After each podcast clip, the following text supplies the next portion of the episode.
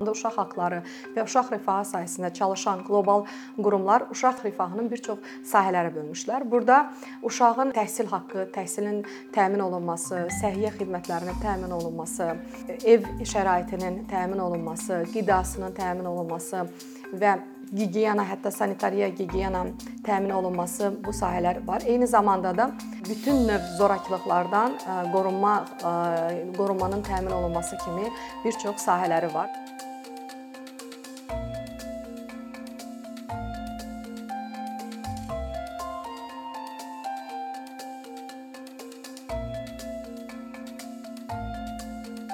Uşaq rifahı nisbətən yeni bir sahədir. Eyni zamanda da çox böyük bir sahədir və bir çox sosial müdafiənin uşaq haqlarının tam təşkil olunduğu ölkələrdə bu sahə çox uzun bir müddətdir təşkil olunmuşdu. Əsas diqqət bu sahəyə 1990-cı illərin illərdə verildi. Uşaq BMT-nin Uşaq Haqları Konvensiyasından sonra və bu çox geniş bir sahəni əhatə edən bir sahədir və ailə rifahından da fərqli bir sahədir.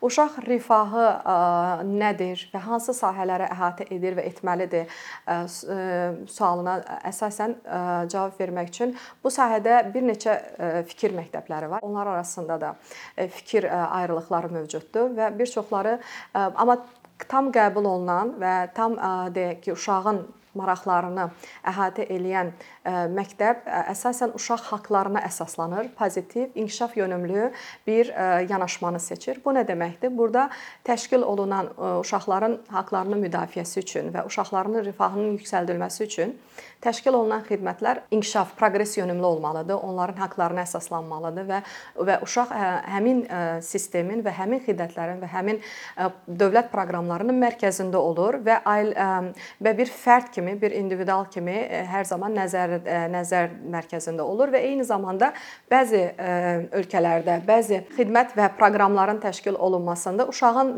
rəylərində, fikirlərində nəzərə alırlar.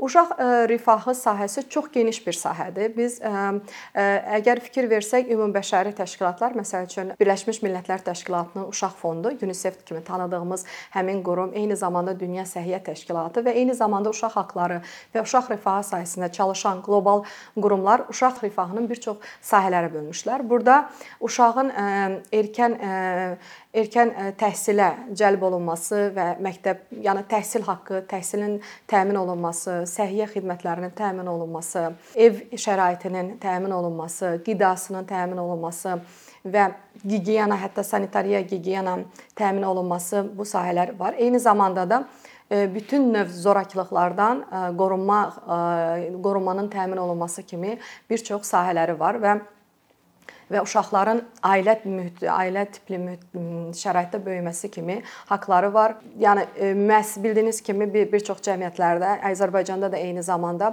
uşaq dövlət uşaq müəssisələri var. Bunlar məsəl üçün həm bəzi bunlar bir neçə növə bölünür. İnternat, uşaq evləri və xüsusi məktəblər və uşaq inkişafı nəzəriyyələrinə əsasən bu tip kütləvi tərbiyə müəssisələri belə deyək, uşaqların tam inkişafına ziddir və onların haqqlarının birbaşa pozulmasıdır. Məhz buna görə də alternativ olaraq ailə tipli ən yaxşısı olar ki, bu uşaqları öz bioloji ailələrinə qaytarsınlar. Əgər bu alınmarsa, bəzi obyektiv, subyektiv səbəblərdən uşaqlara ailələri ailə tipli xidmətlər təşkil olunur. Buna məsəl üçün himayədar qayğı qayğı xidməti deyilir və yaxud da övladlığa götürmə və yaxud da nənə-baba tərəfindən, öz yaxın qohumu tərəfindən himayədarlığa götürmək kimi xidmətlər olur və ən bunun demək ən maksimumu kiçik qrup evləri təşkil olunur. Burada uşaqların sayı maksimum 10 nəfərə yaxın olur, 8-10 arasında və hər bir uşağın özünün otağı olur, özünün individual əşyaları, əşyaları, əşyaları olur.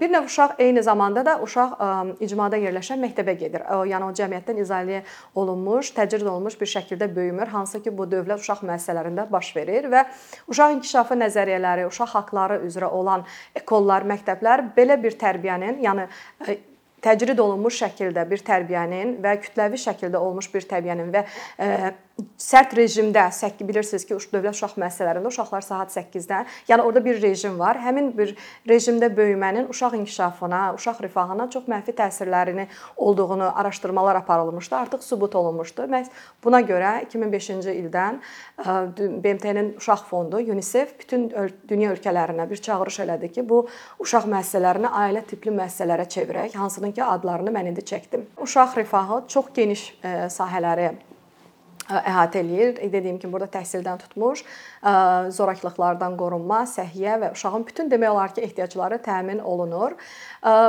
Nəyə görə uşaq rifahı ayrı rifahından fərqli götürülür?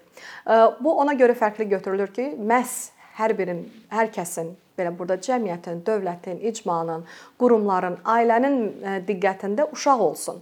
Çünki uşaq bəzən belə ola bilər ki, ailə çox maddi cəhətdən zəngin ola bilər, amma o zənginlik uşağa uşağa yönəldilməyə bilər. Məsəl üçün belə bir belə bir hadisəni danışım. Azərbaycanda rayonlarından birində olmuşdu. Ailə çox imkanlı bir ailə idi, amma ailədə bir uşaq var idi ki, o hansısa səbəbdən anasının yanında böyümürdü və uşaq ayrılıb gətirilib bu evdə böyüdülürdü. Demək olar ki, uşağa çox böyük etinasızlıqlar olurdu. Baxmayaraq ailə çox zəngin idi, ailənin çox imkanları var idi. Burada belə həmin o öz valideynin yanında böyüməyən uşaq bir çox ehtiyacları ödənilmirdi. Məsələn, qidası vaxtında təmin olunmurdu, məktəblə təmin edilmirdi. Orda hansısa uşağa qarşı bir deyək ki, aqressiya var idi. İndi ailə daxili münaqişələrdir nə bir səbəbdən. Bax, məhz buna görə də orada əgər biz ailə rifahından danışarıqsa, biri gedib ailəyə bir qiymətləndirmə aparsa, görə bilər ki, aha, bu ailənin çox gözəl imkanı var Amma uşaq rifahına biz diqqət yetirməsək, biz görərək, görərək ki, elə bu ailə rifahının qənaətbəxş olması ilə biz oranı tərk eləyə bilərik. Amma uşaq rifahına biz diqqət yetirsək, uşaq rifahı mövzusunu dediyim kimi diqqət mərkəzində olanda biz ora gedib uşağın rifahına biz qiymətləndirmə aparsaq, biz baxsaq görərək ki, uşağın rifahı o qədər də qənaətbəxş deyil. Nə baxmayaraq ki, ailənin rifahı çox yaxşıdır. Bu bir çox bir praktik və real bir misal mən sizə gətirdim və bunu məhz buna görə ki, diqqətin mərkəzində hər zaman uşaq olsun, uşağın rifahı olsun. Ona görə uşaq rifahı ailə rifahından ayrı götürülür. Bu sahə üzrə çox böyük ə, məktəblər var, araşdırma mərkəzləri var. Dünyanın bir çox inkişaf eləmiş ölkələrinin sosial müdafiə sistemində siz fikir versəniz, uşaq rifahı üzrə qurumlar hətta ayrı var. Uşaq müdafiə qurumları, bunlar sırf ə, demək olar ki, ayrı bir qurum kimi, müstəqil müstəqil deməyim, yəni ə, ayrı bir qurum kimi fəaliyyət göstərirlər. Heç bir idarənin və yaxud da heç bir şöbənin içində bir balaca bir belə deyək də şöbə və ya qurum deyil. Sırf ayrı bir qurum və sırf ayrı bir departament, idarə kimi ola bilirlər ki, bütün resurslar, bütün diqqət, bütün fəaliyyətlər məhz uşağa yönəlsin. Məhz bu baxımdan uşaq rifahı ayrı götürülür. Çünki bir çox hallarda belə bir sual verilir ki, ailə rifahı var da biz niyə uşaq rifahını ayrı götürürük? Yox, o bəzən ailə rifahının içində uşaq rifahı diqqətdən kənar qala bilər. Nə üçün uşaq rifahından danışırıq? Nə üçün bütün diqqətimiz bir cəmiyyətlər olaraq bütün resurslarımız buna yönəlməlidir? Bu çox mükəmməl şəkildə təşkil olunmalıdır. Çünki bilirsiniz, uşaq insanın bünövrəsidir. Xüsusilə 0-6-0-7 yaş son araşdırmalar da göstərilir ki, həmin dövrdə uşağa verilən bütün xidmətlər və yaxud da uşağın başına gələn bütün hadisələr həmin dövrdə bitmir. O insanı bütün ömrünün sonuna qədər davam eləyir ondan. Həmin dövrdə e, müxtəlif araşdırmalar var. Məsəl üçün bir neçə il bundan qabaq uşaq BMT adi bir misal gətirim. BMT-nin uşaq fondu belə bir araşdırma aparmışdı, görmüşdü ki, məsəl üçün səhər tezdən hər hansı bir bilirsiniz işləyən uşaqlar var da belə. Onlar məcburdular ki, işləsinlər. Səhər tezdən qalxıb işə gedən uşaqların boyları e, kifayət qədər yuxu yatmı, yuxu almış uşaqların boylarına görə daha az, daha az olur. Daha kiçik, balaca olur və yaxud da qidasızlıqdan e, eyni zamanda onun intellektual e, fəaliyyətinə də təsir eləyir və evdəki ailə şəraitinin onun ümumiyyətlə hər tərəfli inkişafına təsir eləyir. Onun uşaqlıqda uşağın təcrübəsi onu bir insanın ömrünün sonuna qədər həyatda olan nailiyyətlərinə, həyatda hətta sağlamlığına və eyni zamanda cəmiyyətin bir məhsuldar bir üzvü olması üçün vacib bir rol oynayan bir dövrdür. Bir növ bunu belə bir belə bir misal gətirə bilərəm ki, bir binanı tikəndə ilk öncə onun bünövrəsini çox güclü qoyuruq ki, bina sonra tikiləndən sonra, yəni onun bünövrəsindən hər bir şey asılıdır. Bax uşaq uşaqlıq da bu belə bir bu bu növrəyə bənzəyir. Əgər biz onu çox gözəl qoysaq və orada hər bir uşaqların hər bir ehtiyacını təmin eləsək və onları zorakılıqlardan müdafiə olunmuş şəkildə böyüsək, bizim cəmiyyətimizdə çox sağlam, sağlam düşüncəyə malik insanlar, məhsuldar, savadlı, zorakılıqdan uzaq, zorakılıq törətməyən belə deyək bir vətəndaşlar əldə etmiş olacağıq. Məhz buna görə də inkişaf eləmiş cəmiyyətlər çox böyük bu sahəyə investisiyalar qoyurlar, çox böyük sərmayələr qoyurlar. Mən deyim ki, e, bir çox ölkələrdə hardakı uşaq müdafiə sistemi inkişaf eləyib, uşaq rifahı yaxşı təşkil olunub, bu e, siyasilərin e, prioritetləşdirdikləri 10 mövzuların içində hər zaman olur. Hər zaman olur ki, bu gündəmdə hər zaman qalsın. Hər bir lider, hər bir siyasətçi deyək ki, gələndə bu mövzuya toxunur. O sahədə o müxtəlif sərmayələr eləyirlər, deyək ki, uşaqların xidmətlərin gözəl təşkil olunmasında, yaxşı təşkil olunmasında, araşdırmalara çox böyük sərmayələr qoyurlar ki, çünki bunun əhəmiyyətini başa düşürlər. Uşaq, yəni gözəl uşaqlığın, sağlam uşaqlığın, keyfiyyətli uşaqlığın ölkələrin, cəmiyyətlərin və ən sonunda iqtisadiyyatın inkişafında nə qədər böyük rol oynadığını, artıq əlaqənin olduğunu başa düşürlər və məhz buna görə də böyük sərmayələr qoyurlar, inkişaf etdirməyə çalışırlar. Necə təşkil olunur bu ölkələrdə? Bayaq qeyd elədiyim kimi, bunun üçün xüsusi idarələr olur, xüsusi qurumlar olur. Onlar çox operativ şəkildə işləyirlər və uşaqların başına hər hansı bir zorakılıq gələndə hər zaman o dəqiqə müdaxilə edə bilirlər və uşaqların hər bir sahədə dövlət proqramları, xidmətlər və özəl investisiyalar vasitəsilə təhsil er, er, məktəbə qədər təhsilini yaxşı təşkil eləyirlər, qidalarının yaxşı təşkil eləyirlər, onların asudə vaxtlarının keçirilməsini yaxşı təşkil eləyirlər. Məsəl üçün yaşadığım Amerika Birləşmiş Ştatlarında qida sahəsində misal göstərə bilərəm ki, uşaqlıqdan başlayaraq risk qrupunda olan ailələr üçün az təminatlı deyək, çətin həyat şəraitində olan ailələr üçün hətta hamiləlik dövründən bir qida proqramları var. Həmin qida proqramlarında əgər az təminatlı ailə aşkarlanarsa, mütləq onu həmin proqrama yönəldirlər ki, hamilə ana lazımi qidaları vaxtında qəbul etsin ki, o dünyaya sağlam uşaq gətirsin və bu proqram sonra uşaq həmin uşağı növbəti etaplarda da, həyatının növbəti mərhələlərində də bir növ izləyir, belə deyək. Məktəbdə məsəl üçün yenə də az təminatlı ailələrin uşaqları üçün təmənnasız, belə deyək, pulsuz nahar proqramları var. O nahar proqramları ilə uşaqlar ən azı gündə bir dəfə isti yemək yeyib və qidalı yemək yeyə bilirlər və bu proqram sonra böyüklər üçün bir proqrama da çevrilib var Amerikada. Buna əvvəllər food stamp deyirdilər. İndi vacib qida proqramı adı altındadır və burada yenə də ailələrə əsasən də bu proqramın yenə də böyüklər üçün olsa, ailələr üçün olsa da proqramın mərkəzində az uşaq olan az təminatlı ailələrdir ki, o ailələrə e, lazımi qidanı, ilkin qidanı təmin eləsinlər ki, orada olan uşaq e,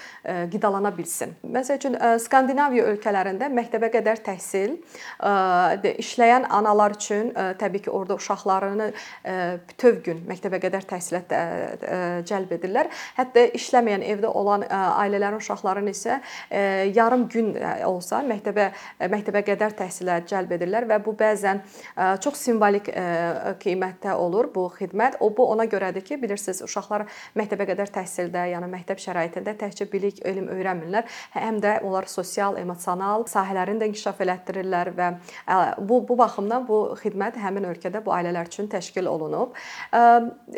İnkişaf etmiş ölkələrdə uşaq müdafiə idarələri var. Bunlar yenə də dediyim kimi ayrı bir qurum kimi fəaliyyət göstərirlər və çox böyük işçi qüvvəsi burada var. Burada əsasən ailə və uşaqlarla işləyən sosial işçilər ailələrlə maraqlanır, onlarla daimi əlaqədə olurlar. Eyni zamanda bu sahədə e, deyək ki, elm və elm sahəsində də çox böyük e, deyək ki, e, sahələr var. Məsəl üçün Azərbaycan üçün tam bir yeni sahədir, uşaq inkişafı sahəsi. Bu sahədə çoxlu fakültələr açılır. Bu sahədə çoxlu kadrlar hazırlanır ki, uşaqlarla işləyə bilsinlər. Eyni zamanda ailə və uşaqlarla işləyən sosial işçilər də universitetlərdə bu sahə üzrə hazırlanırlar ki, onlar ailələrlə və uşaqlarla elmi sübutlara əsaslanmış xidmətlər təmin edə bilsinlər, proqramlar təmin edə bilsinlər və onların uşağın rifahına effektiv təsir göstərə bilən xidmət göstərə bilsinlər. Daha çox burada yenə dediyim kimi elmi əsaslara əsaslanmış işlək xidmətlərlə həmin uşaqların rifahlarını aradan qaldırmaq üçün həm deyək ki, dövlət proqramlarına, həm e, xidmətlərə, həm elmə, həm tədqiqatlara, həm də e, güclü, savadlı kadrların hazırlanmasına çox böyük investisiyalar gedir e, və qeyd elədiyim eləmək istəyirəm bu hər zaman həmin uşaq inkişaf rifahının inkişaf elədiyi cəmiyyətlərdə hər zaman 10 prioritetin içində olur və yaxud da 3-də olur, 5-də olur. O baxır həmin ölkəyə. Onu da qeyd edim ki, elə ölkə var ki, bu heç prioritetdə, heç 20-də də olmur. Yəni bu tamamilə diqqətdən kənar kənar qalır. Çünki buna elə böyük əhəmiyyət vermirlər. Uşağın tam bir fərd kimi, uşağın hüququnun olunması kimi onu tanımırlar. Çünki bu bir çox ölkələr bu prosesdən keçmişdi. Çünki onlar elə fikirləşirlər ki, uşaq ailəyə dəstək veririk də, bir də uşağın məsələsini niyə qaldıraq? Amma qeyd elədiyim kimi, xeyr, əgər uşağı diqqətdən kənar qalarsa, onun rifahının qənaətbəxş olunmasına biz tam əmin ola bilmərik. Thank you.